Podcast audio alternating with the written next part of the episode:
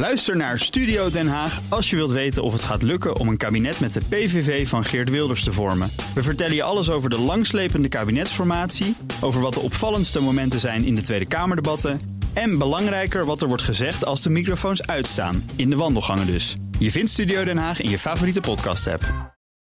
De column van Bernard Hammelburg.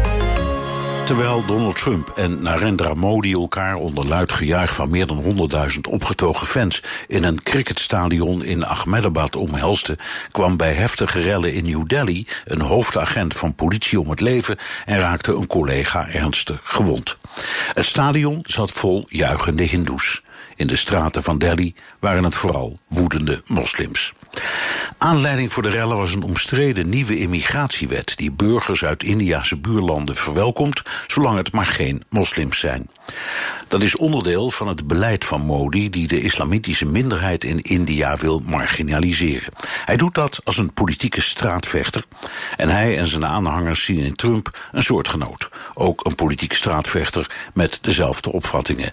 Met trainingen pakken we het bloeddorstige islamitische terrorisme keihard aan, verzekerde Trump de juichende massa. Formeel is Amerika het oneens met de Indiase immigratiewet, maar Trump liet de kwestie lopen. Wat Trump ook niet deed, was een bezoek brengen aan India's aardsvijand en buurland Pakistan.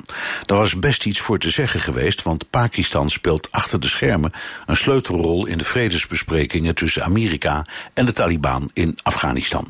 Trump zet de lijn voort van zijn voorgangers Bush en Obama, die diplomatiek wel met Pakistan samenwerkten, maar voor de bühne openlijk kozen voor India. Bush was, hoewel India geen ondertekenaar is van het non-proliferatieverdrag, begonnen met de levering van materiaal voor het Indiase nucleaire programma.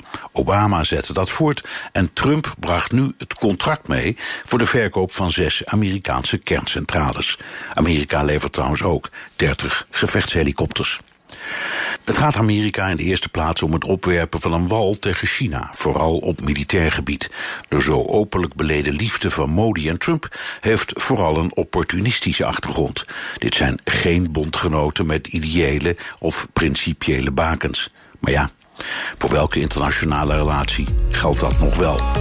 Columnist Bernard Hammelburg.